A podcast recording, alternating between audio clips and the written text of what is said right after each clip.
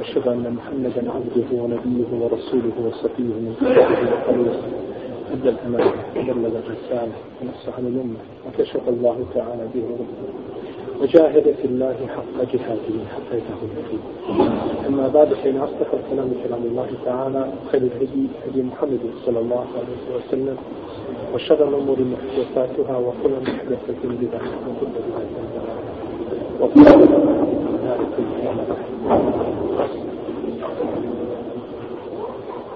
Nema sumnje, draga moja braćo, da svaki musliman kada vidi šta se dešava u svijetu od muslimana i kako su potlačeni i kako su obespravljeni i kako se drugi sa njima hode možemo vidjeti samo krv koja teče i djecu koja su ostali jetini ili roditelji koji plaćaju za svojom djecom i slično tome.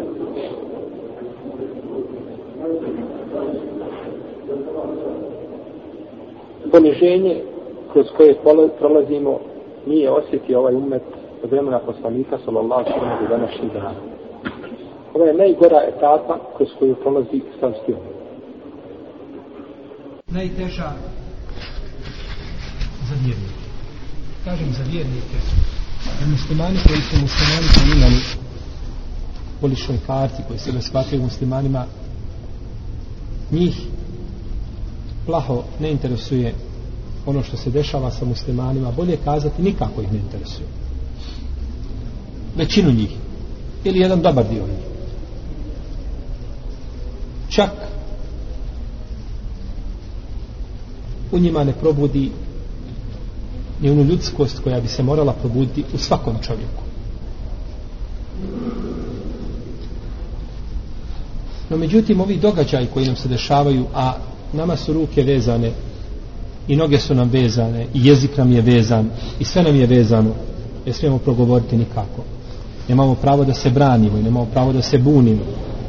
Nemaš pravo da izješ na ulici i, i, i da i sve glasa povičeš dokle više. Ni to nemaš pravo. Znači nemaš pravo ništa.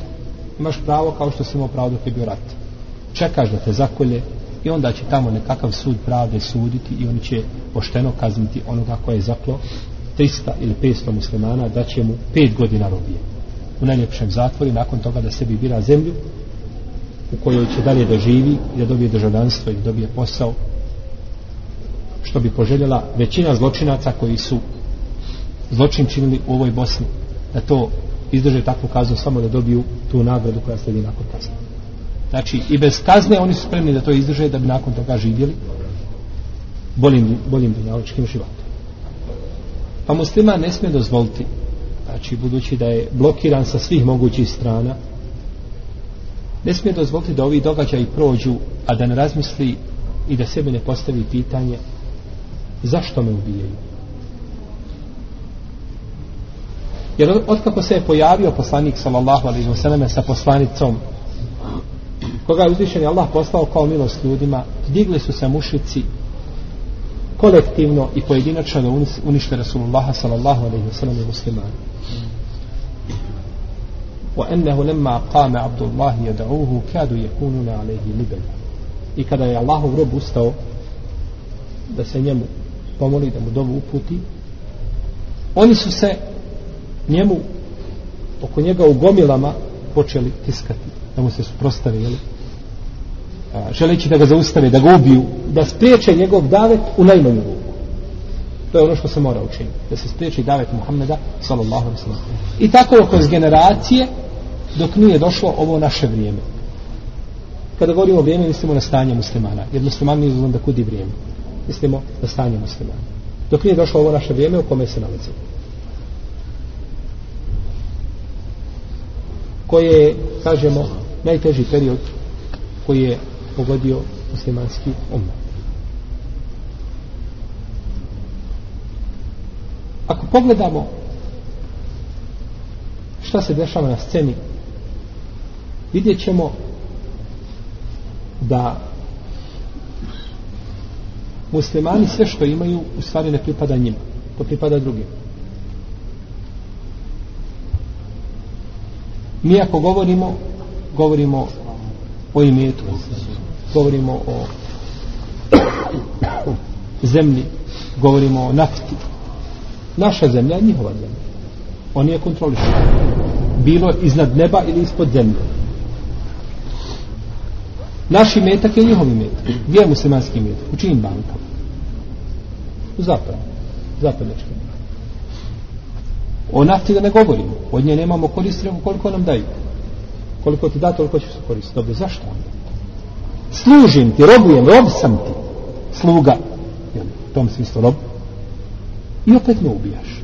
Pa rob sluga treba da ostane da ti služi da ga koristiš. Jer ako ga ubiješ, ko će ti raditi? Koga ćeš eksploatisati? Ko će ti biti radna snaga? Ko će ti biti žrtva? Ako poubijaš ljudi kao što je radio Firaun mušku djecu bio ko će ti nakon toga raditi? Ko će ti biti? Žene će ti raditi po koljena i oni će ti biti vojska. Neće. Pa je pitanje nije pitanje dunjaluka dakle pitanje pitanje ahireta pitanje vjere. I svoje mržnje ili bolje kad zavisti koju nose u prsima prema muslimanima ubijaju jer muslimani imaju riznicu na kojoj im oni zavide. Pa zavidnik njegov osnovni cilj jeste da blagodat koji ima u svojim rukama da ti nestane da ti prestane da je otuđi. Ponekad želi taj zavisnik da ta blagodat pođe njemu u ruke a ponekad ne želi, nije bitno. Uglavnom bitno je da se da ti tu blagodat izgubiš pa da budete siromašni podjednako da budete u istom kupru obodvojice. dvojice. ود كثير من أهل الكتاب لو يردونكم من بعد إيمانكم كفارا حسدا من عند أنفسهم I mnogi sledbenici knjige priželjkuju, vole vod. Ovdje je vud došao. Vud je ljubav prema nečemu. Ali je i hub ljubav. Ali je vud veća ljubav. To je ljubav iz srca. Ljubav iz srca. Znači dolazi iz duše. Vole, žele silno da vas vrate sa svoje sa vaše vjere. Nakon što ste vjernici postali. Haseden min indijen fusim zato što su oni vama zavidni. Min badima tebe jene lehumul hak nakon što im je istina pojašnjena. Pa dobro zašto? Istina je pojašnjena. Musliman može biti ko hoće može biti musliman i židov i kršćanin i musliman koji je musliman kao, rođen kao musliman podmjer može biti pravi vjernik i budista može, svako može biti musliman. Izgovori šehadet zna značenje šehadeta i drži se toga. I završeno priču ubijeđen ono što govori i biva musliman. I nikome nije sprečan dođe zašto mi zavidiš? Zašto zavidiš čovjeku koji ima 3 miliona eura kada i ti možeš sutradan u jednom momentu u minuti imati 3000 eura zašto mu zavidiš nije kod nas kao kod židova koji kod ti samo možeš biti židov koga je majka rodila koja je židovkinja da ti otac židov i, i među plemićima ne možeš biti židov nisi židov Znači imaš uslove teške da postaneš, ne možeš biti. Nego koga? Kome Allah dadne da se tako desi, da ga rodi majka židov. Kod nas nije tako. Budi, budi, mehmano sve na vrata sotne, ne budi, musliman. Primi islam, zašto ne zavidiš?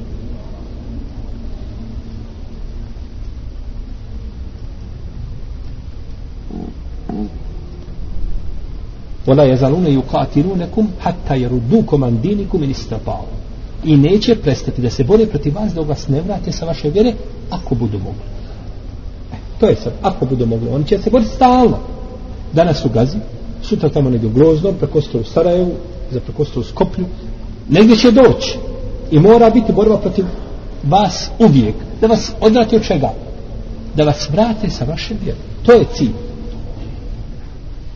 ništa drugo znači sve ovo što vidite povod osnovni tome jeste zavist koja se pokazuje prema muslimanima i prema blagu koga imaju svojim rukama, a to je Allahova te barak tala djela.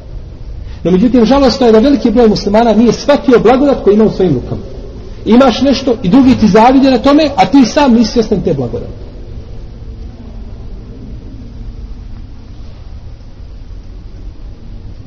Kada pogledate muslimane danas, koliko muslimana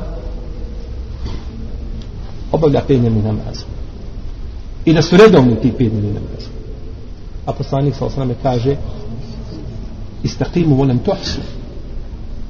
Od iz koga bilježi Ibn Mađe, bilježi drugi Ahmed. Wa'alamu ana khayra amalikum as-salat Wala yuhafizu ala al-wudu'i ila mu'min. Najbolje vaše djelo koje činite je namaz. I na, na abdest ne pazi osim pravi. Koliko muslimana se drži najboljeg djela? Koliko je muslimana pokolno Allahu te barake o teala? Kada je rekao uh, Abdullah ibn Sufjan, kako bi muslim u svome sahihu, rekao je poslaniku, sa osaname, Ja Rasulallah, kun li fil islami kaulan la es'alu anhu ahadan ba'dek. Reci mi Allahu poslaniče jednu stvar u islamu, nakon čega neću nikoga više pitati. Kaže, kul amentu billah thumma istaqim. Ili festaqim. Reci, vjerujemo Allaha, potom istraje na tome putu. Svi muslimani ili gotovo svi izgovaraju la ilaha illallah. Ali koliko je ispravno na tome putu? I koliko je ispravno na tome putu? Mi ne krivimo muslimane za ono što im se dešava. Da mi kažemo, vi ste krivi što vas kolju i vi ste krivi što vas progone i vi ste krivi što vas obespravljuju i vi ste krivi što klaonice prave od muslimanskih gradova. No međutim, jedan dio krivice snosi. I ne možemo oboriti glavu ili okrenuti glavu u i zanemariti našu krivicu u svemu tomu. Kaže mu poslanik, reci amen tu billah, summe testaqim, potom istraj. I to je savršeno odgo... ove riječi, braćo, su riječi, ovo je dokaz posle pa, Džavami al-Kelim, je zgrovit govor kome, koga je uzvišen Allah te bar dao poslaniku sallallahu sallam da jednom riječu kaže reci vjerujemo Allaha potom istaje potom istaje obuhvata sve što obuhvata značenje riječi la ilaha illallah muhammedu rasulullah da se pokoran u svemu. I to savršeno odgovara Allahu te barak tala riječima inna alladine kalu rabbuna Allah thumme istaqamu, tetanezzalu alaihim ul malaike alla تخافوا ولا تحزنوا tahzanu بالجنة التي bil توعدون allati kuntum tu'adun koji kažu oni koji kažu naš gospodar je Allah potom istraju na tome njima se meleki spustaju I nemojte se bojati, nemojte ni za čim tugovati. I radujte se džennetu koji vam je obećan. Ali ta istrajnost, kada imam, eh, kada je Ibn Abbas upitan za taj ajet, kaže uh, inna ledine kalu rabbon Allah, thumme stakamu kale fi edail faraid, kaže u obavljanju farzova istraju. To je značaj. A u drugoj predaj, ahlasu lehu, e ilillahi ta'ala, ed dine wal amel, i iskreno Allaha obožavaju iskreno zbog njega djela čini gdje su muslimani od svega toga pa muslimani znači iz, iz ovih događaja koji se dešavaju najmanje što moraju moraju uzeti pouku a svako onaj ko može pomoći muslimana i spriječiti zulum koji se čini jer mi smo protiv terorizma bilo kakve vrste protiv toga smo da se ubijaju nevini civili bilo ko da bio. I protiv terorizma se borimo. I terorizmu treba stati na kraj. No međutim, treba znati ko je terorist. Što se očito vidi. Mi ne kažemo da među muslimanima nema terorista. Bože sačuva. I treba i zaustaviti, treba i spriječiti. I treba i žestoko kazniti. Da ne nam pare nikome da teror čini. Ali bojimo se da su teror sa druge strane da je deset puta, sto puta veći nego sa strane muslimana. Muslimani nemaju čime da bi bio terorista, moraš imati snagu. Da bi na nekom sprovodio teror, moraš imati snagu. Teror se ne može sprovoditi sa noževima i teror se ne može sprovoditi sa e, bocama koje su napunjene benzinom. Tu nema terora. Danas tu nema terora. Nego je teror sa druge strane. Molim Allaha te bar htjela da uništi sve one koji isprotkare protiv muslimana. Amen. I da uništi njihove ispretke njima na vrati. I protiv njih. I da ih kazni na dunjalu i na ahiru. Allah te Mi smo govorili, draga moja braća, u našem zadnjem druženju o stvarima koje se čine pri kupanju mejta. I došli smo do pitanja da li će se mejtu nakon smrti rezati nokti. Znači ako mejt preseli pa nije duže vremena rezao nokte da li će se rezati njegovi nokti? Ili da, da li će se kratiti? Znači ovaj, da li će se brijati njegovo stidno mjesto? Istično tome kod islamskih učenjaka po ome pitanju imamo dva mišljenja. Prvo da se to čini jer je to od fitre pa će se to učiniti meitu. jer ga je šarija time zadužio. I to je stavi mama šafije po novom mezhebu.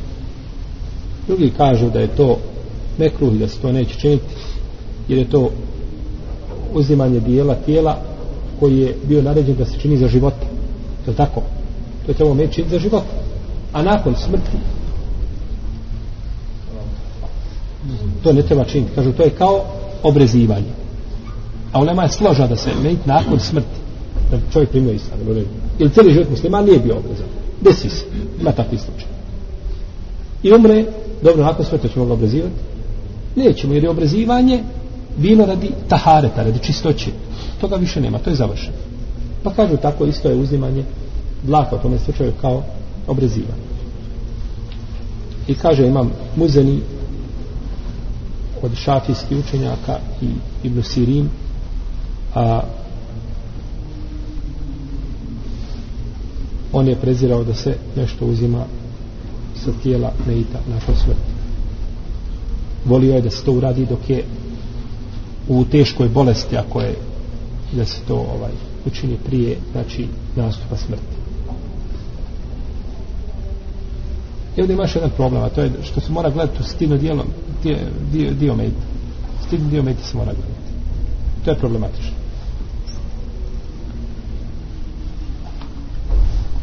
Tako da je spravnije da se to ne čini. Se to ne čini se može mediti porezati slično tome on je bio zadužen to čini za život.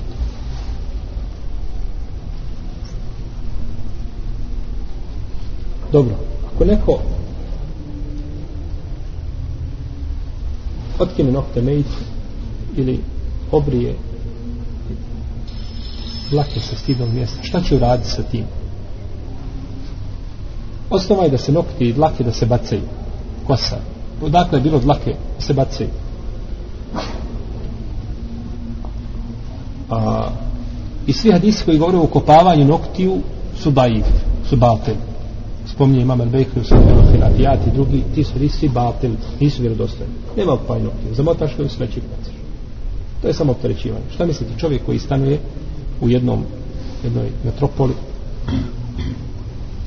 zapadnjačkoj gdje nema gdje umjetnost naći znači zelenu površinu i da on mora to ukopavati?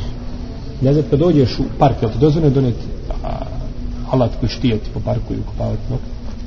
nije, ja bi kažem za to tako znači to je opterećenje i opterećavati ljude ime nije dozvore a još godi su oni koji nose nokte tri dana pod pazuhom. zamota ih u papir i stavi ih pod pazu i mora i tri dana pod pazuhom nositi. Tamo dok ne rastu drugi. Ko, kome brže nokte rastu, za tri dana će imati druge nokte. Znate ljude koji imaju poremećene znači hormone, pa mu brzo nokti rastu. To je batel. To je opterećavanje ljudi, to je cirkus. Kaže, tako šta muslimani čine, se ljudi smijavati muslimanima i islamom. A to nema se islamom ništa.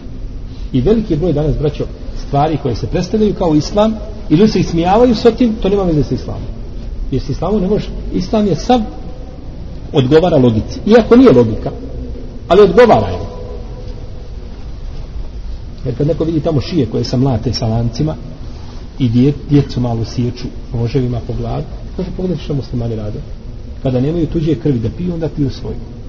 Bitno je da krv teče.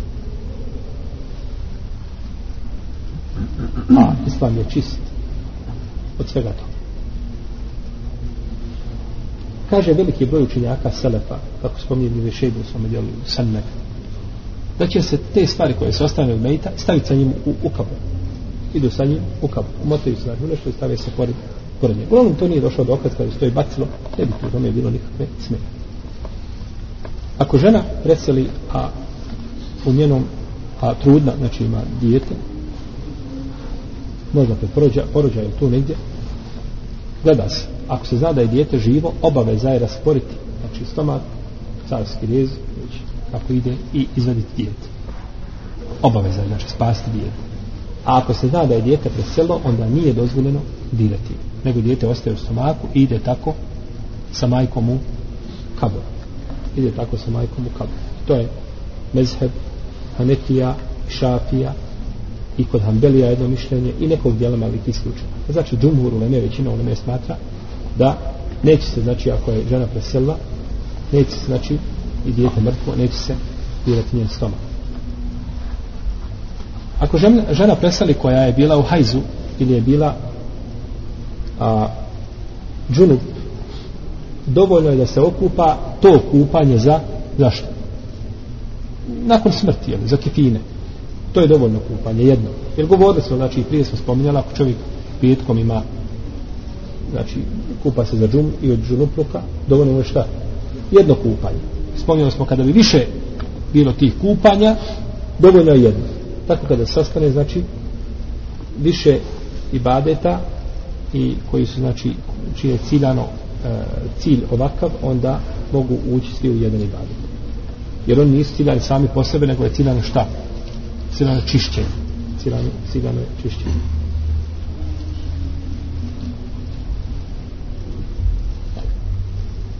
Ko okupa mejta treba li se kupati? Čovjek koji gasuli mejta treba li se kupati? Prenosi se da Buhari radijallahu anhu da je poslanik sallallahu alejhi ve rekao men gasele mejten falyabtasil ko bude kupao mejta neka se okupa. A ko ga bude nosio neka se abdesti. Znači nakon kupanja kupanje a nakon nošenja abdešenje. Sad na ome hadisu.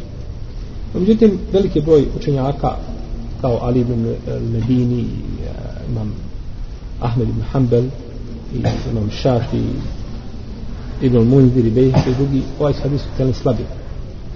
A ovo su imami umeta. Ovo zaista imami umeta.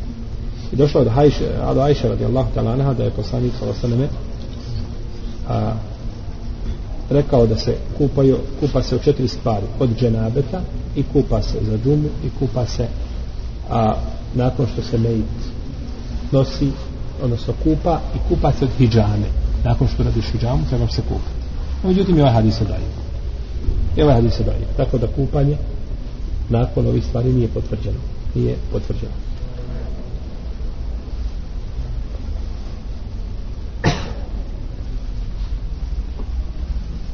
Ovaj hadis ocjenio da je ipom imam Abu Abdillah Muhammed ibn Ismail ko je to? Al-Bukhari Al-Bukhari Al-Ju'fi Ibn Mugira, Ibn Berdizbe. To je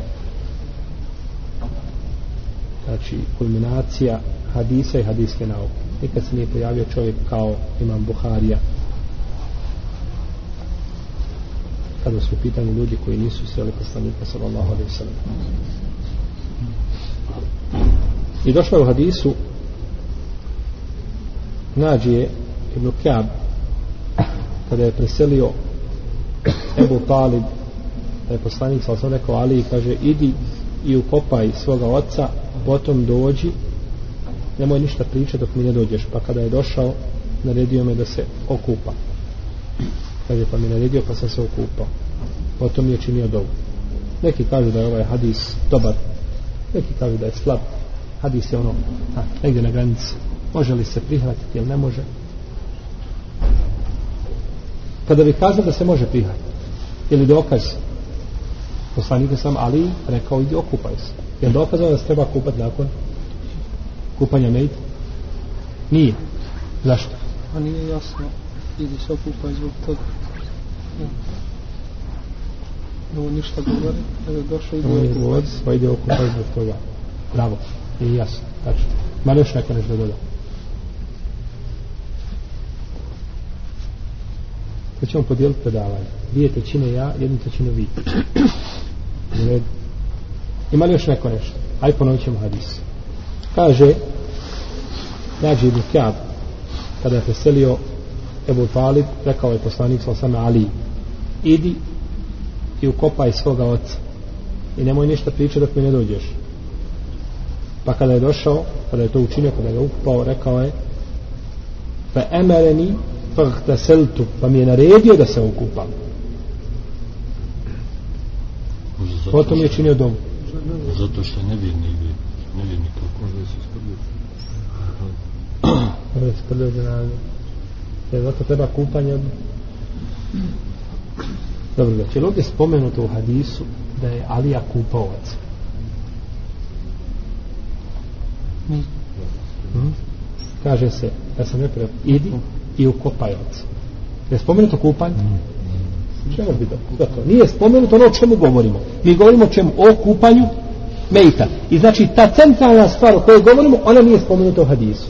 Možda se može zaključiti iz daleka ali da čovjek garantuje ne može. Jer ne znaš. Postoji mogućnost. A jedno pravilo kaže ma tafarraka ilaihi lihtiman batale bih listidlan sve što ima dvije više mogućnosti ne može biti dokaz dobro ovo pravilo ovaj ima na njemu upitnika sa jedne i s druge strane veliki. Ali spominju ga neki jeli kao pravilo. Jer kad više na to tako pravilo onda svaka stvar može imati šta dvije više mogućnosti. Ili svaki hadis može se razumjeti ne, ne svaki, ali jedan dio hadisa se može se razumjeti uvijek postoji nekakva mala vrata koja bi se mogao razumjeti na takav način. I onda mi na takav način mi onda ovaj, a, jeli, ne bi dokazivali velikim dijelom hadisa. To bi bilo svakako područno ono što se razumije znači i što se čuje na prvi pogled što se razumije to je značenje hadisa. Osim ako postoji argument koji ukazuje suprotno tome.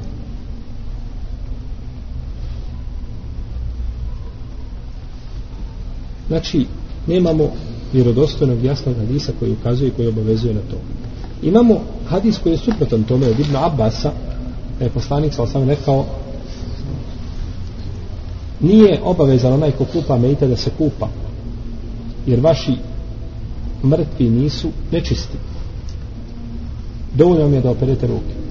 Ovaj hadis potpuno suprotan pretom ali ovaj hadis se daje i ovaj hadis se daje ali daje može stati nasuprot čega? Da. daje znači prenose se oprečne oprečne predaje po ome pitanju većina učenjaka od ashaba i oni koji posle njih nisu smatrali kupanje na, nakon kupanja mejta obavezno. Znači rasul ili gusul nakon kupanja mejta nisu smatrali obavezno i to se prenosi od Ibn Abbas i prenosi se od Ibn Mesuda i Sada ibn Vakal se prenosi se od Ibn Omara i Ajše sa vjerodostojnim lancima prenosilaca da nisu to smatrali obavezno znači dok ova skupina ashaba to tvrdi a ne znam da ima nešto vjerodostojno da sahaba da je neko smatrao suprotno ovome. To je inšala tam argument. Jer kada skupina sahaba slože nečem a niko da sahaba nije kazao suprotno tome onda je to šta? Dokaz. Međutim Ibn Abbas kaže jedno a Ibn Omenu se suprostavi jel dokaz je dokaz reći Ibn Abbas? Nisu. No međutim ako kaže skupina sahaba niko se nije suprostavio E on, ovdje mi iznimke svakako. Recimo Ajša radi Allah tala nešto potvrdi. I potvrdi u Museleme što se dešavalo u kući. A dođe neko da sahaba i negira to. Tada imamo šta dva oprečna? Mišljenja. A čije će, čije će se uzimati? Od majke vjernika. Jer to je ono što, što znači nije svaka oprečnost u mišljenjima ashaba da je šta? Da je, znači ako imamo mišljenja ashaba jedno i mišljenje drugo dva opuća. a nemamo ništa vjerodostojno od poslanika sa vaseleme i jasno tada ne mogu ta dva mišljenja biti šta? Zašto? Zato što su oprečni a mi nemamo ništa što ukazuje da bi jedno od mišljenja bilo jače. Jel u redu? Međutim ti imaš vamo Ajša radi Allah tamo kaže vidjela sam poslanika sam nešto da radi. Neko kaže nikada to nije radio. Kaže ja sam vidjela. To je već hadis. Ili Ajša nešto tvrdi da je tako I to se dešava u kući i neće Ajša tako nešto govoriti po svom mišljenju, a drugi neko ko nije u kući tvrdi suprotno tome. Onda se uzmajiše. Jer to se dešava u kući. Takve stvari se dešavaju u kući. Ha. Na primjer, da kaže Ajša, primjer da uzmemo, nema smetnje u tome da se čovjek kupa bez odjeće. I neko kaže, ima smetnje da se Dobro, to što Ajša radi Allah kazala da nema smetnje, To se dešava poslanicom kupa pa su u kuće. Ne bi govorio to znači od sebe. Nego te stvari su vezane za tim. Pa to su znači ovaj sporedni argumenti na osnovu koji se može znači ovaj odabrati jedno od dva od dva mišljenja. Ebu Davud smatra hadis koji govori o naredbi kupanja nakon nošenja mejta dokinuti. Kaže da je to dokinuti. U svakom slučaju nije obavezujuće. Ako se ne može mejt kupati pa radi prepreke nekakve, onda je dužnost uzeti mu temu.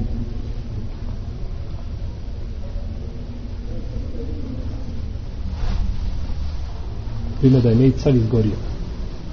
Nema šta kupiti jednostavno, ne može se kupati ili slično tome jer se boji ako se bude kupao da mogla voda se raspada mejt da je dovoljno znači uzeti mu temu. I tada je temu vađi, i on biva na mjestu kupanja a kupanje je obavezno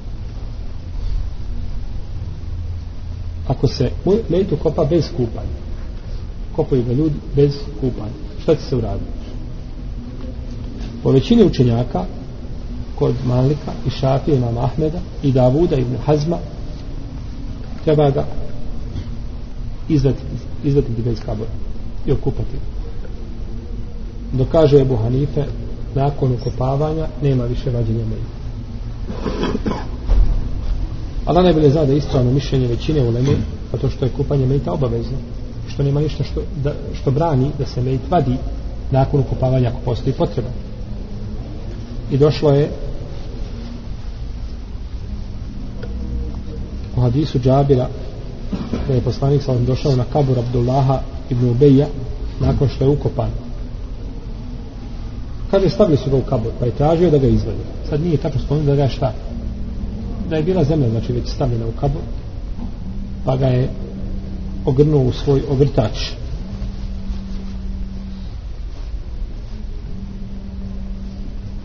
Sallallahu alaihi sallam. Došla je predaja koja je ovaj, preciznija od spomenute a to je predaja a, Džabir ibn Abdullah kada je njegov otac Abdullah poginuo na bici na Uhudu pa ga je ukopao sa još jednim ashabom u kaboru kao šehida. Pa kaže nije mi srce bilo smirano da bude sa nekim u kaburu pa sam tražio poslanika sa da mi dozvoli da ga odvojim i da ga stavim posebno u kaburu kaže pa mi je dozvolio. Pa sam ga kaže otkopao nakon šest mjeseci. Kod Buhari je predat. Kaže njegovo se tijelo nije ništa promijenilo. Isto kao kada sam ukopao kaže samo što je jedno uho promijenilo malo boju zato što je palo na zemlju. Kako je bio znači na strani na boku. Jedno uho dotaklo zemlju. To što je dotaklo zemlju zbog zemlje se malo šta? Promijenila boja uha. Znači nije uho da je truhlo slično tome nego se promijenila boja uha kaže pa sam ga premio i ukopao ga na drugom mjestu. Pa je poslanik sam dozvolio šta? Ukopovanje i danas se tiču mnoge stvari. Ovaj recimo sumnja da je osoba ubijena. E, da mu je podmetnuto ubijstvo i slično tome da se može nešto drugcije da se nađe ovaj, zločinac ili počinioc i slično tome onda je išao treba da se to opravdani razloz kada je znači dozvoljeno da se medit izvadi iz kabora.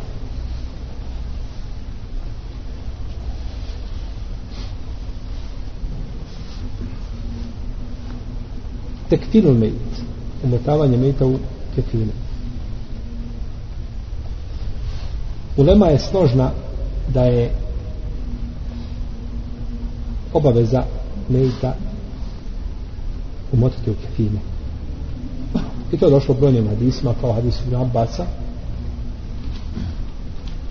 kada je onaj čovjek hađija na refatu pao sa deve pa je slomio vrat pa je preselio pa je rekao poslanik sa osaname okupajte ga sa vodom i sidrom šta je sidr? Kazali smo jeste da je to bila znači materija kojom se znači kupao mejt odnosno danas kao sapun, šampon i slično tome. I umotajte ga u dvije odjeće. I nemojte ga mirisati. I nemojte pokrivati njegovu glavu jer će biti na sudnjem danu proživljen sa telbijom. Kao hadis Musaba ibn Umeira kada je preselio pa nisu imali dovoljno platno da ga pokrio. pa kad je pokrio glavu otkrio se noge a kada pokrio noge otkrio glavu pa smo mu pokrili glavu.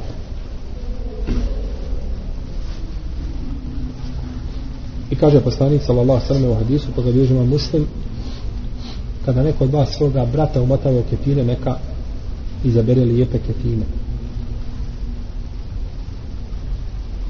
Ko je dužan da plati kefine ili da snosi troškove umotavanja medita u kefine? Većina islamskih učenjaka kažu da će kefini i troškovi kupanja znači imate troškove kupanja u redu. Znači mogu biti troškovi kupanja. Čovjek koji kupa može naplatiti kupanje i treba da plati kufr. i dobro ga naplatiti. Znate zašto? Da se ljudi uče da kupuje medije što mora u jednom gradu biti samo jedan čovjek koji kupa? Što se ne pouči svake porodice uže ili šire da ima čovjek koji zna kupati? Šta je sporno to nego se to zaustavi na jednoj skupini na jednom čovjeku i da slučajno otputuje i da neko preseli morate ići iz drugog grada ganjati nekoga ko će kupiti čovjeka zašto u jednom gradu nemamo 50 ljudi koji znaju kupiti pa smo taj sunet sveli na jednog ili na dva čovjeka. Kao što treba biti svaki musliman da zna da klanja dženazu. I dženaza nije svedena samo na hođu. Ili da predvodi ljude u, u znači džematu i slično tomu. to treba znači da poznaju muslimani ili jedan veliki broj muslimana ali da to bude svedeno na jednog čovjeka i znači da se sve zaustavi na njemu i troškovi znači ukopa idu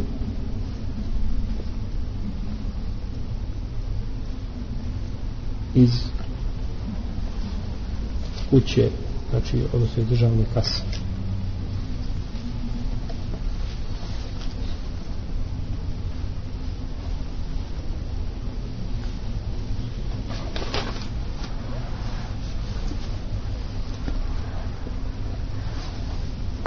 No, međutim, ono što je poznato kod islamski, ono što je poznato kroz praksu muslimana,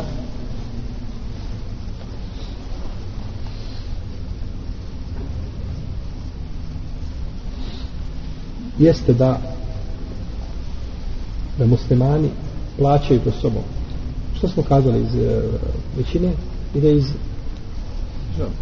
iz državne kase. Ne, ne, ne, ide iz uh, ne, ne, ide iz iz uh, metka mejita Iz metka mejita Iz državne kase ide kasnije ćemo doći do toga kada ne bude bilo i kada muslimani nisu stanju da to učine, onda se vraća na državnu kasu. Znači, to, mus, to musliman snosi iz svoga metka. Umro čovjek, preselio, ostaje za sebi metak ili bogatstvo nekako koje se može unovčiti slično tome, a nema, znači, keša da plati, se plate troškovi ukopa, onda će, znači, iz tog imetka uzeti se nešto i opremit će se mejit.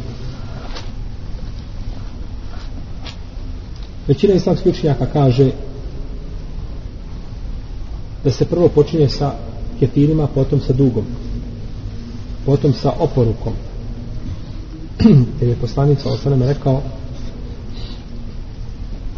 onome čovjeku ili za onoga čovjeka koji je pao sa deve umotajte ga u dvije odjeće i nije pitao njegovom dugu pa je stavio umotavanje u kupine prije čega prije duga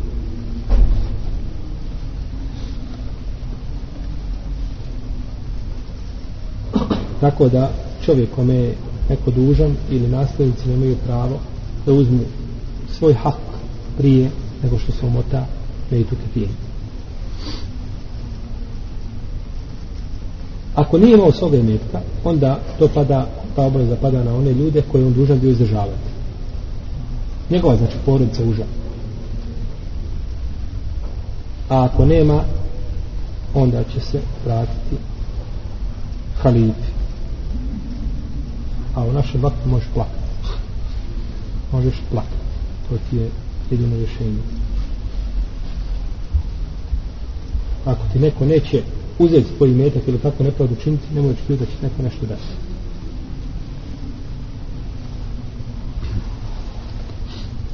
A ako nemaju ko Bejtul Mal nema. Kao što je slučaj sa velikim znači brojem muslimanskih zemalja. Ima ali u stvari nema. Je tako, nema dovoljno. Onda to pada na muslimane. Imam ima pravo ili kalifa muslimana da to podijeli na bogataše. Da bere par bogataša da kažu snosite vi troškove ketina. Jer je obaveza muslimanima znači ta solidarnost među njima mora biti taj tekaful ičtimaj ta solidarnost ako jedan musliman nešto ne može onda da mu drugi pomognu jer su muslimani kao jedno tijelo. Dok neki učenjaci kažu prvo dug prvo se dug vrati pa onda ostalo.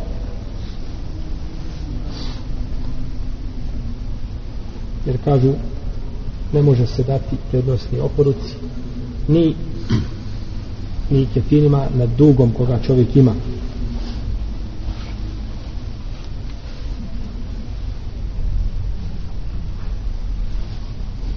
Kaže poslanik sallallahu u hadisu ja sam preči vjernicima od njih sami ko umre a ima dug a nije ostavi metka kaže ja ću vratiti taj dug za njega. Ako ostavi metak pripada njegovim nasljednicima. pa je ovdje poslanik sa osvijem spomenuo najpreći je dug tako? Ko nema da vrati ja ću vratiti za njega. A ako ostavi metak onda to pripada njegovim nasljednicima ne je poslanik sa osvijem ništa o tome sve do toga. I ovo je stav Ibn Hazma. Neki učenjaci kažu da je muž dužan da snosi troškove skupina za ženu. I ostali troškova ukupno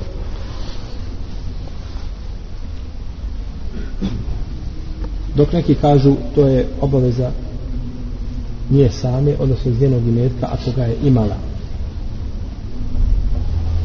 kažu uzvišeni Allah je zadužio čovjeka da ženu izdržava da je odjeva i da je obezbijedi šta? Stanovanje. Te tri stvari dužan promeniti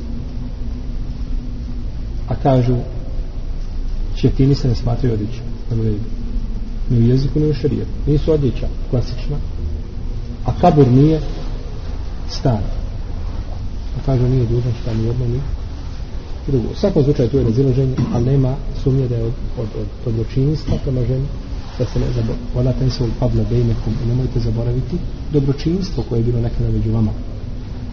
Pa je potpuno dobročinstvo znači da to muž učini svoga imetka ili eventualno iz jednog imetka ako ostane.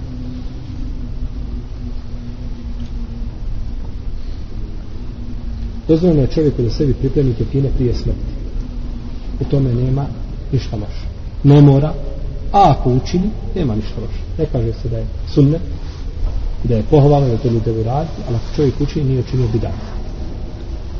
Jer prenosi se Sahra ibn Sada da je jedna žena došla sa jednim obrtačem kada je donijela poslaniku sallallahu alaihi wa sallam pa mu kaže Allahu poslaniče ja sam ga svojom rukom sašil i donijela ga tebi. A on je bio kaže ravija hadisa jako potreban u to vrijeme da ima takav vrtač. Pa ga je uzeo i obukao pa je to jedan od sahaba vidio kaže Allahu poznaći jes lijep kako je lijep taj vrtač daj mi. Pa su ga ljudi osudili sudili su njegove riječi. Kažu kako možeš tražiti? Znaš da poslanik sam neće odbiti. Nikome nije rekao nikada ne. I sada ti tražiš znači da ćeš to dobiti kaže, tako mi Allaha nisam ga zatražio ni zbog čega drugog, nego da bi bio u njega umotan kada presi Pa kaže, Ravija, kada je preselio, umotali svog. Pa je se faktički pripremio kefin prije. Prije toga i to niko nije od ashaba osudio nakon njegove, nakon njegove smrti. Došli smo do poglavlja način umotavanja kako muškarac, tako žena, pa smo šao to ne govorite na Allah ta'ala, sallam, sallam, sallam, sallam, sallam, Ako ima pitanja, braću, vezani za ovo što smo govorili, ili mimo toga bude.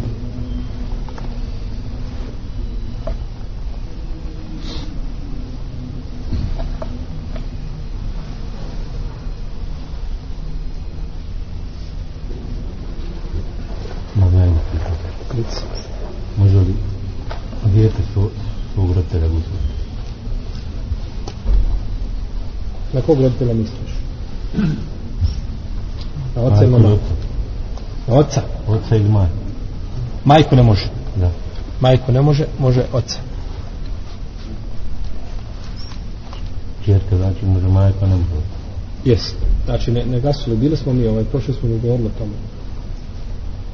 Iako ima razilaženje po pitanju da otac vasilje čerku, kad nema nikoga i da je to uradi preko odjeće i tako dalje, da se pokriju stida mjesta i sliš o tome, no međutim, ono što je osnova, da muškarci kupuju muškarce, a žene, no, tako da dijete može kupiti slobodno svoga ovaj oca i on je najpreći da bude tu i da ga kupa i da, da bar da pomogne kup, pri kupanju, a majko ne može, zato što znači često su skrivi znači mjesta koja on ne može gledati nelogično je znači da bude tu ako nema nužne potrebe. Jesu.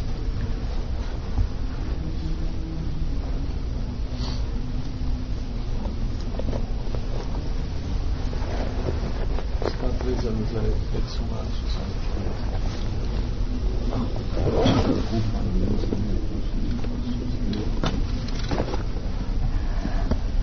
E, kada, kada misliš, kada, kada je bila? Pa recimo Srebrenica ima ima. Mhm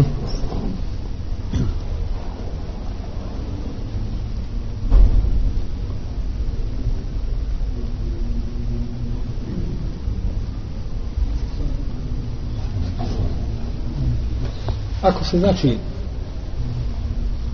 ako je kupanja nema. Kupanja nema zato što je nemoguće da ni kupanja ni temuma jer to je gotovo više da što skose ostane znači nemoguće je bilo više šta uraditi ali da se ljudi znači da se uzme DNK da se provjeri znači ko je živ ko je mrtav da se zna gdje su ljudi završili tako dalje. Šalav tjela da nema smetje u tome. Što tiče kupanja nema to je završeno. To je znači gotovo jer medit od medit su ostale samo kosti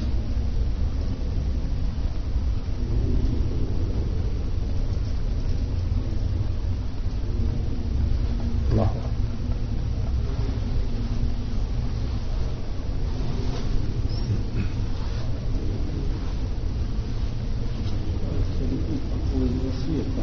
dokad bi čovjek da se odgovor da treba on pisati na svijet i i u biti sad sad sa njega se ispunja to koliko ostavljanje nekih mjesta ili šta je sastav.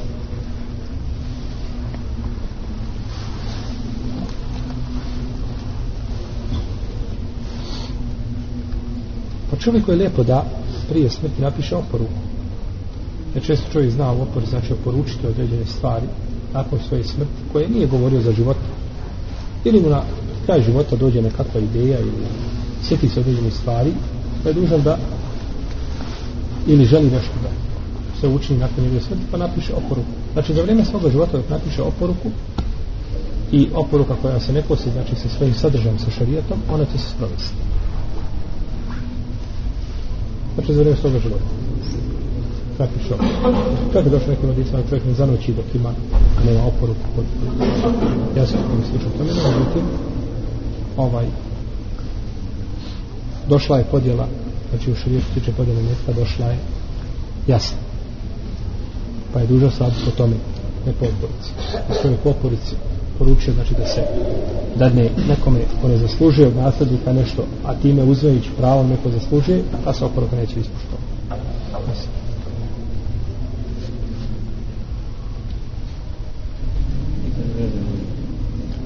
Jasno. Pitanje metka na smrti. Ne da se, da se ostanu djeca. A u našim okolnostima koje se ne vodi računa, koji radi često dešava da, da jedan dio djece koje ostalo, pogotovo ženske, s tim radi, odliče se to u svog djeta. Bez presode podjela i metka po, po Mislim da ste ovdje kod nas ono često kuća ili što je znam, ono će se su visoko jednom čerci, što ja znam, a one se ovdje koje već imaju svoje stanove. da li je u takvim okolnostima, znači nije kako djeti, metka po propisu, a i pored toga one se još to halalno, da li dozvoljeno sam uzeti često se znači ovaj dje, ženska djeca odriču svoga nasljedstva korist da će i to je naš poznat u arapskom svijetu. Međutim dole je to kod mnogih sramota. Sramota je da žensko nešto uzme a da to odmane halali svom bratu. Što je batil i pogrešno. Jer možda je njen muž potrebnio brat brat ima na sve strane mu dobro svi strane mu dobro a muž nema ništa. Preći da taj metak uzmeš i da dadeš za svoj mužu. tako da je to žena je ružno postupila koja je to učinja zna da je muž potreban. A onaj kome je dala nije potreban. To je pogrešno s jedne strane a što se tiče toga da se ona odrekne prije podjele i to je pokušao. jer da podjela nije izvršena na ispravan način.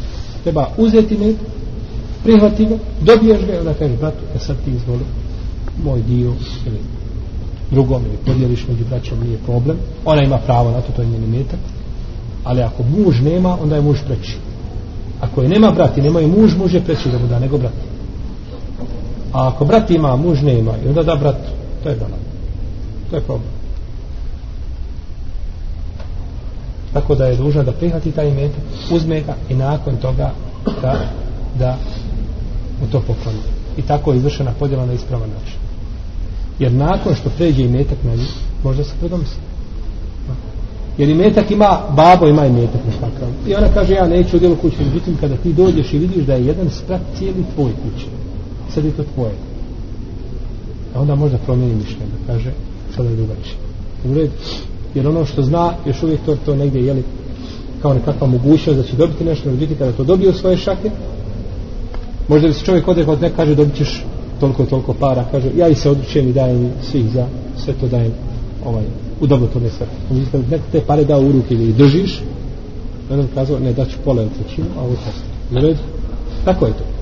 Tako je znači da je najstranije da prihvati taj metak i onda nakon toga da ga kako postupiti što se tiče troškova dženaza pošto troškovi našto ako čovjek nije bio onaj e, član onaj, nekog pokupnog društva katastrofa je i kad dođe kad neko preseli onda bi se nešto onaj, motao da čovjek nađe neko rezervno rješenje tad ga nema.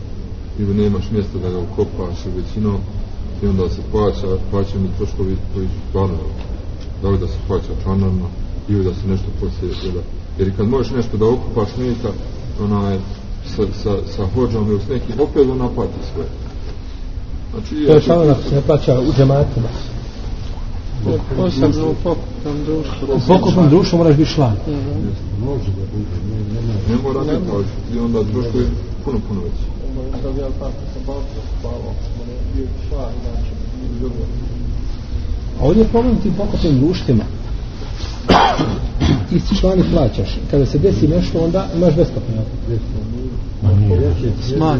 Popus umanj. Dobro nije bitno. Imaš umanj. Problem je ovdje prvo Vraćamo. problem je ovdje. Što ti prvo ne znaš što će taj to društvo pokupno dokle će ići. Ti plaćaš, plaćaš, plaćaš i onda on kaže mi za a ti nisi još veselo čekaj da provede. ne možeš preseliti, nemaš vremena da preseliš da buze svoje pravo. Jel uvijek? Šta ćeš raditi? To je jedno. Drugo uzvišenje Allah te baš tala kaže u Kur'an وَلَا تَدْرِ نَفْسٌ فِي أَيِّ أَرْضٍ تَمُوتِ I nijedna duša ne zna koji će zemlji preseliti.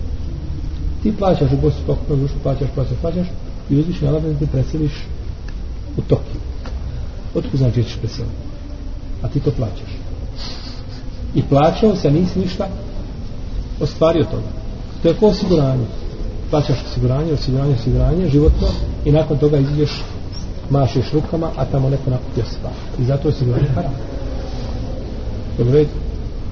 Znači, s te strane je problematično. S te strane je problematično.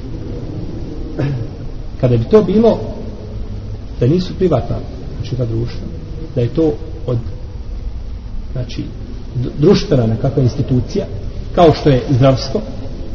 Jer zašto je zdravstvo? Zdravstveno osiguranje je dozvoljeno kod umrli.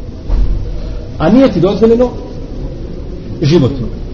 Kažu, kak, kakva je razlika? Zar nije ovo osiguranje osiguranje? Životno osiguranje je jedna institucija manja, zasebna koja radi kupi pare. A zdravstveno je državno, opće korisno. Pa ako ti se ne koristiš, koristit se drugi muslimani, a neće otići jednom čovjek u džep, nego znači biva nešto od opće korisno. Jel u redu? Tako da je, molim? Ko? Pa ne mora znaš da je e, privatno, može biti privatizirano s jedne strane, ali opet, na primjer, mi svi plaćamo. I desi se čovjek operacija koja je skupa, koju nikada nije mogao platiti sa svojim... To je dobio drugi čovjek i tako ta, ta korist kruži unutar društva. No, međutim, ti kad uzmeš ovaj osiguranje ovo, ovo e, zdravstveno, ili kad uzmeš osiguranje za auto, kad uzmeš životno jedno osiguranje za auto, to ide jednoj, jednoj instituciji, jednom čovjeku. I oni se koriste od toga. To je kada se da osiguranje za auto haram, je A pa jesu, osiguranje za auto je haram, to bi su mi... Osiguranje za auto je haram, jer je to kocka. To je kocka. Uplaćivaš, no međutim, danas nemaš izbor. Ili ćeš deuseb nabaviti, pa jaht, ili ćeš ići autom. I čovjeku je otežan život danas, auto za auto. Ali nema se uvijek kocka. Plaćaš cijeli život osiguranje, nikad ne, ne greteš nikoga, i drugi tamo dođe neko pijen ima dobru vezu i skupa 3-6 auta i to sve plati iz tvojih para i moji i 5 10 no međutim to je ali da je ta solidarnost recimo to ide u jednu kasu svi plaćamo u jednu kasu pa idemo pa što ostane napravit ćemo bolje puteve uložit ćemo nešto opet da se vrati ta korist na ljude to, je, to je drugačiji proces Znači ne bi bila kost, kocka čisto, neko kocka i neko uzma pare, a ti ostaje, znači uložio si ništa izra. I ona u životnom osiguranje mislite na penzijsko ili na... Ne, ne, životnom osiguranje mislim, znači ti ideš, padneš ne. sa bauštele, skomiš nogu, ne znam, plaćivaš toliko, preseliš, tvoji dobiju toliko i tako dalje. To je sve životna ta osiguranja su. Privat, jeste privat, znači osiguranje vraćaju se jednoj instituciji.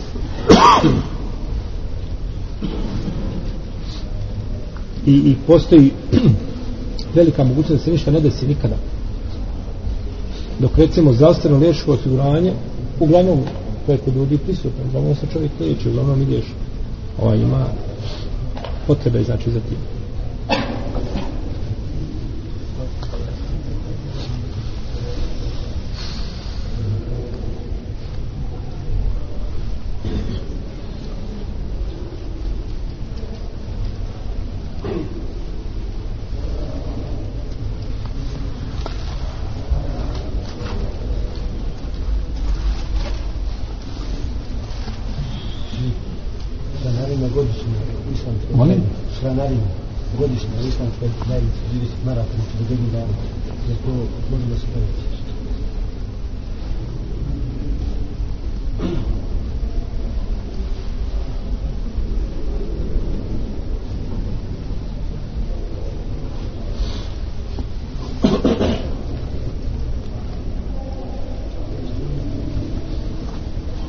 Ne smete.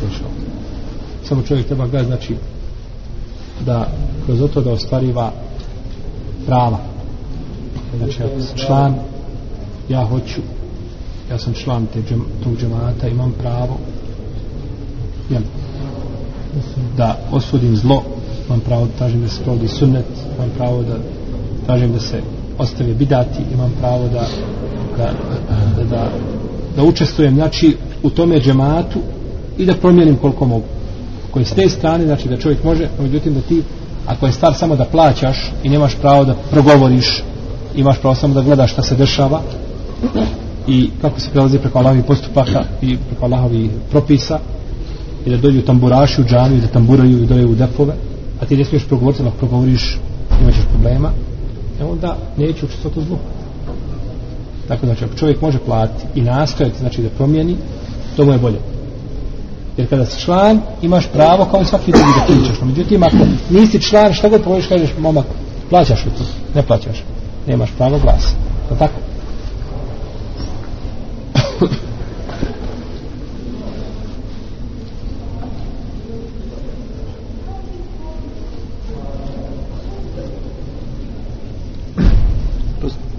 prošli put ste rekli da je klanje kurbana u povećini islamskih učenja kao što je na dobro sad s obzirom na suru Kevser da to ima neko objašnjenje možda se znati kako su to ti islamski učenjaci većina kako je došlo do ti kako je većina učenjaka rekla suprotno onome što kaže Sura Kevser, jel?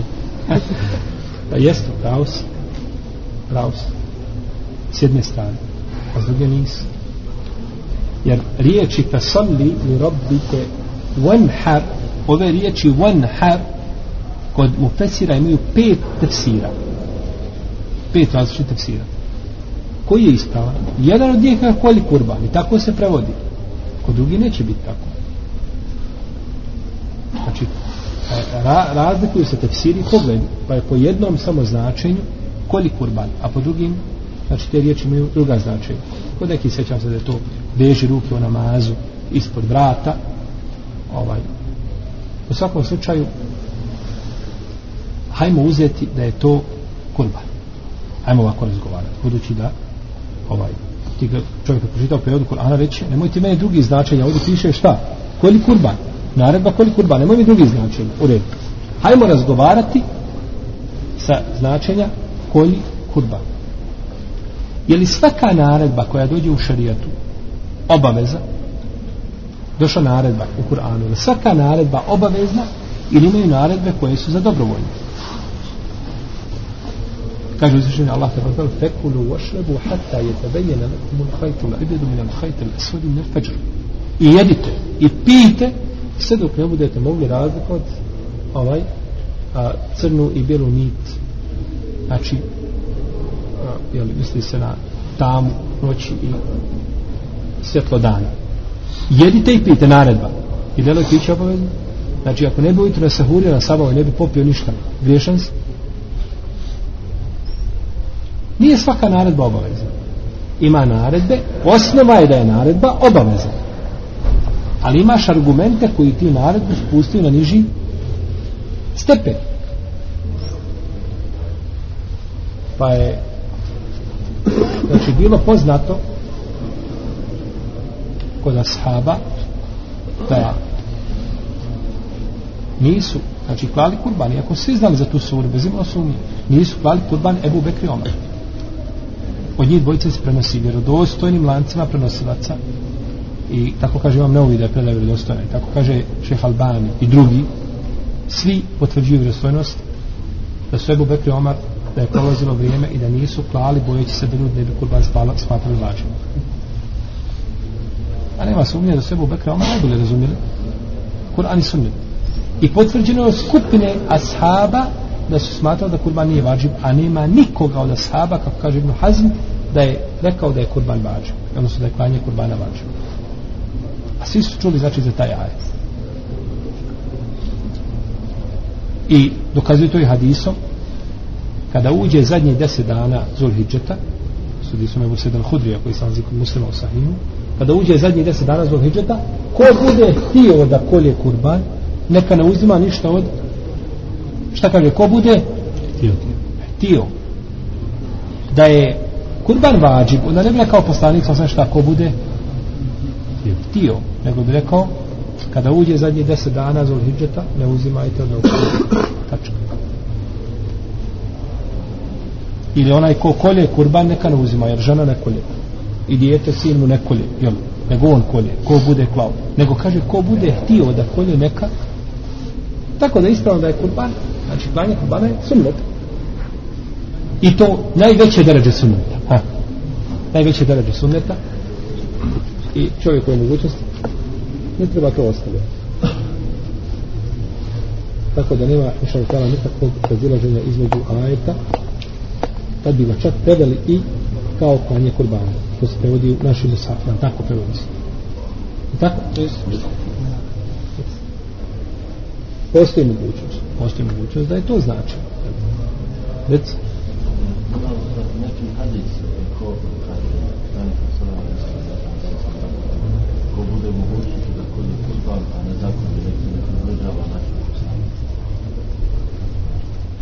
Ima.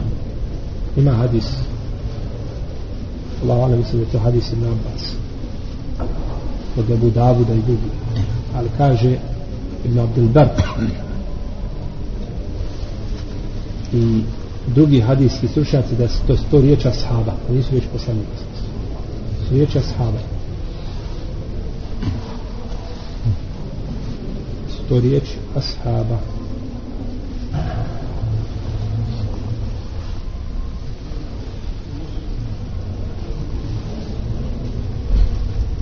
I da su riječi poslanika sam se opet sam moraju pomiriti sa drugim hadisima koji ukazuju da klanje šta nije obavezno pa onda kazao nemoj se približavati znači to s tebou raditi ostavio si jedan veliki sum.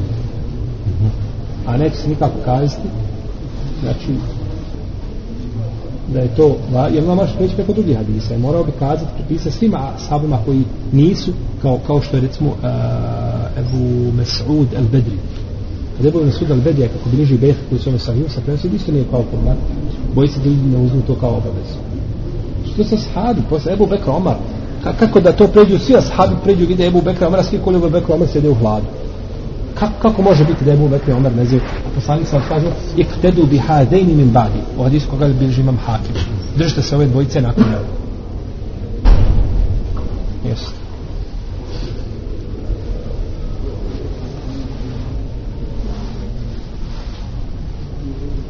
Može li jedno kratko. Možda je pitanje kratka, ne znam kakav će odgovor pitanje. Pitanje kratko, ja sam rekao. E, da li je poslanik, sallallahu alaihi wa sallam, rekao za sebe?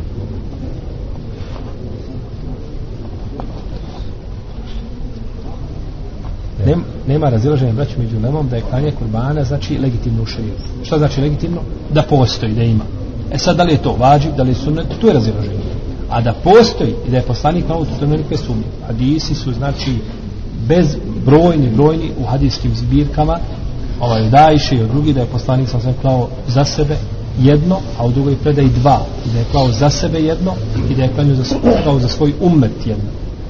Tako da nema znači toga nikakvog spora i razilaženja kod Buhari i kod muslima znači brojne predaje koje govore da je poslanik sa sveme klao ili različite verzije koje govore da je poslanik sa sveme klao kurban i to nema sumnje nikakve i zato s tega strane treba e sad samo da li je vađiv ili nije vađiv ha.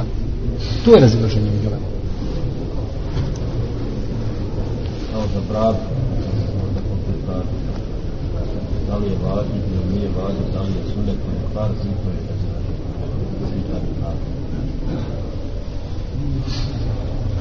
Pa ne znam da je baš tako. Mami četiri mezeba složen da je brada vađu. Se mora imati. Ibn, Ibn Tejmi je spominio svojim fetvama, ali mama četiri mezeba da svi smatraju da je vađu imati bradu. Da je obavezno pust bradu. I Pa ako je obaveza pustiti, onda nema kraćenja i brijanja. Ima kraćenja samo što pređe preko šake. Uhvatiš je u šaku i šta pređe vam dole ispod šake, onda to. No, odmah. Yes. Poslanika sada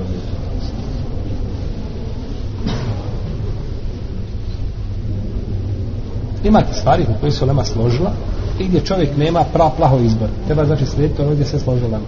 A tamo gdje je došao u šarijatu da je razilaženje, Pa čovjek pitati jedno od mišljenja, sljedeći jednu pravnu školu, jednog učenjaka, nema smetnje. Jer ti kažeš da je, da je, da je kurban sunnet, i da je pritvrđeni sunnet, i da je to poslanik sam činio, i ashabi, i, i muslimani kroz generacije. I onaj kaže vađib. Stvar je znači u tome da li čovjek griješan, a postavi ili nije griješan. U protivnom, svi se slažu da, to, da je to pohvalno da se čini i da se učini i da je velika nagrada za to, iako nema ni jednog hadisa vjerodostojnog koji govori o vrijednosti kurbana imate možda 7-8 hadisa koji govore o, o, o vrijednosti kod svi su daju, svi su slabi. Jedan je vjerodostojan. Ali ima nagrada. Bez ima nagrada zato što to je ibadet.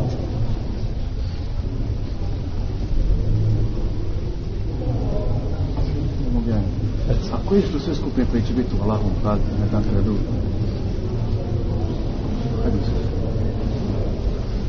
Pa imate naš hadis Ebu Hureyre, da ga bliže Buharija Muslim, da je poslanik sam rekao da je je Allah sa mericu svijest u svoj hlad, kada nije bilo drugog vlada osim njegovog. Ispomenuo je od njih pravednog vladara, ispomenuo je čovjeka ili dječaka koji odraste u Allahovom zadovoljstvu, njegovoj pokornosti. Ispomenuo je čovjeka čije srce vedano za džamije. Spomenuo je ta čovjek koji svono na Allaha. Spomenuo je čovjeka koga žena pozove lijepa da uči nemoral pa on se odupre. Hajde dalje. Sur Benjer i Ali Imran, kad dođu dva oba, kada budu za... To je drugo.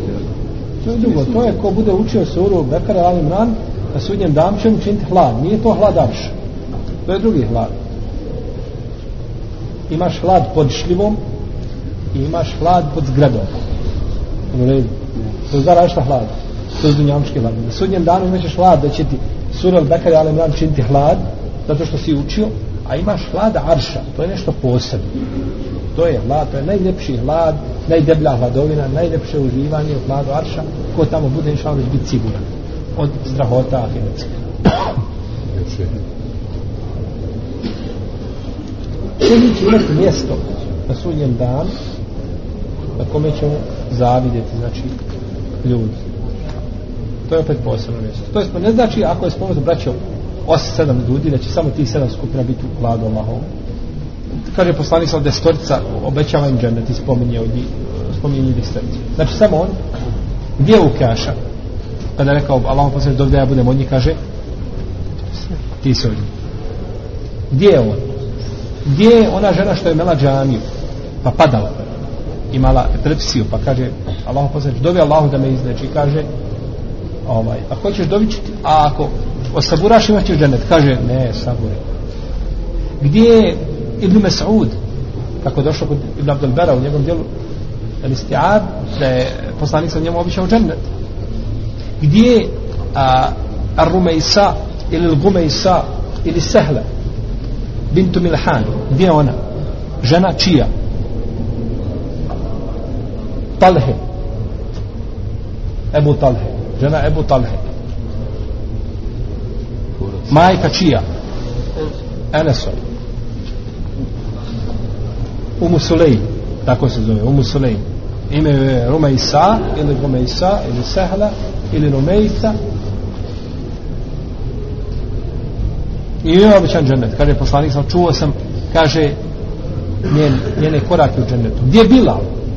I njemu kaže Bilal, što to činiš? Pa, gdje su ovi ashabi, a vam spomenu deset? Znači, ne znači kad se u jednom kontekstu spomene nešto, da je sve objedinjeno s otim, nego spominje se jedan, jedna skupina ovaj ljudi koji su tu, oni spomenuti radi njihove vrijednosti, radi, no međutim ne znači da je ograničeno na njih, osim ako dođe ti i niko drugi.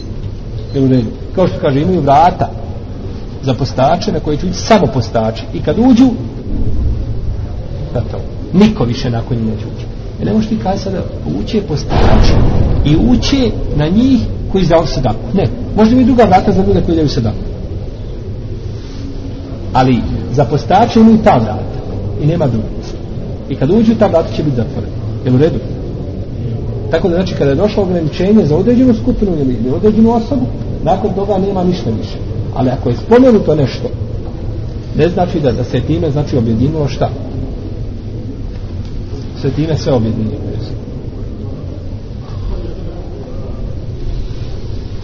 Ši, ona naplaćivanje hijjami, naplaćivanje hađami treba je naplatiti debelo je naplatiti. Ko kupanje? Što mora samo jedan čovjek znači praviti hađamu što ne može znati? U svakom gradu ima skupno ljudi koji radi hađamu ali ko naplati ima pravo. Jer to je liječenje i njegov trud i tako dalje. Ima potpuno pravo da naplati to nekaj svojim. Kao što odeš doktora ali nemaš ovjerene knjižice platiš tako plati kod e, hećima. Vamo ovoga. Šerijatskog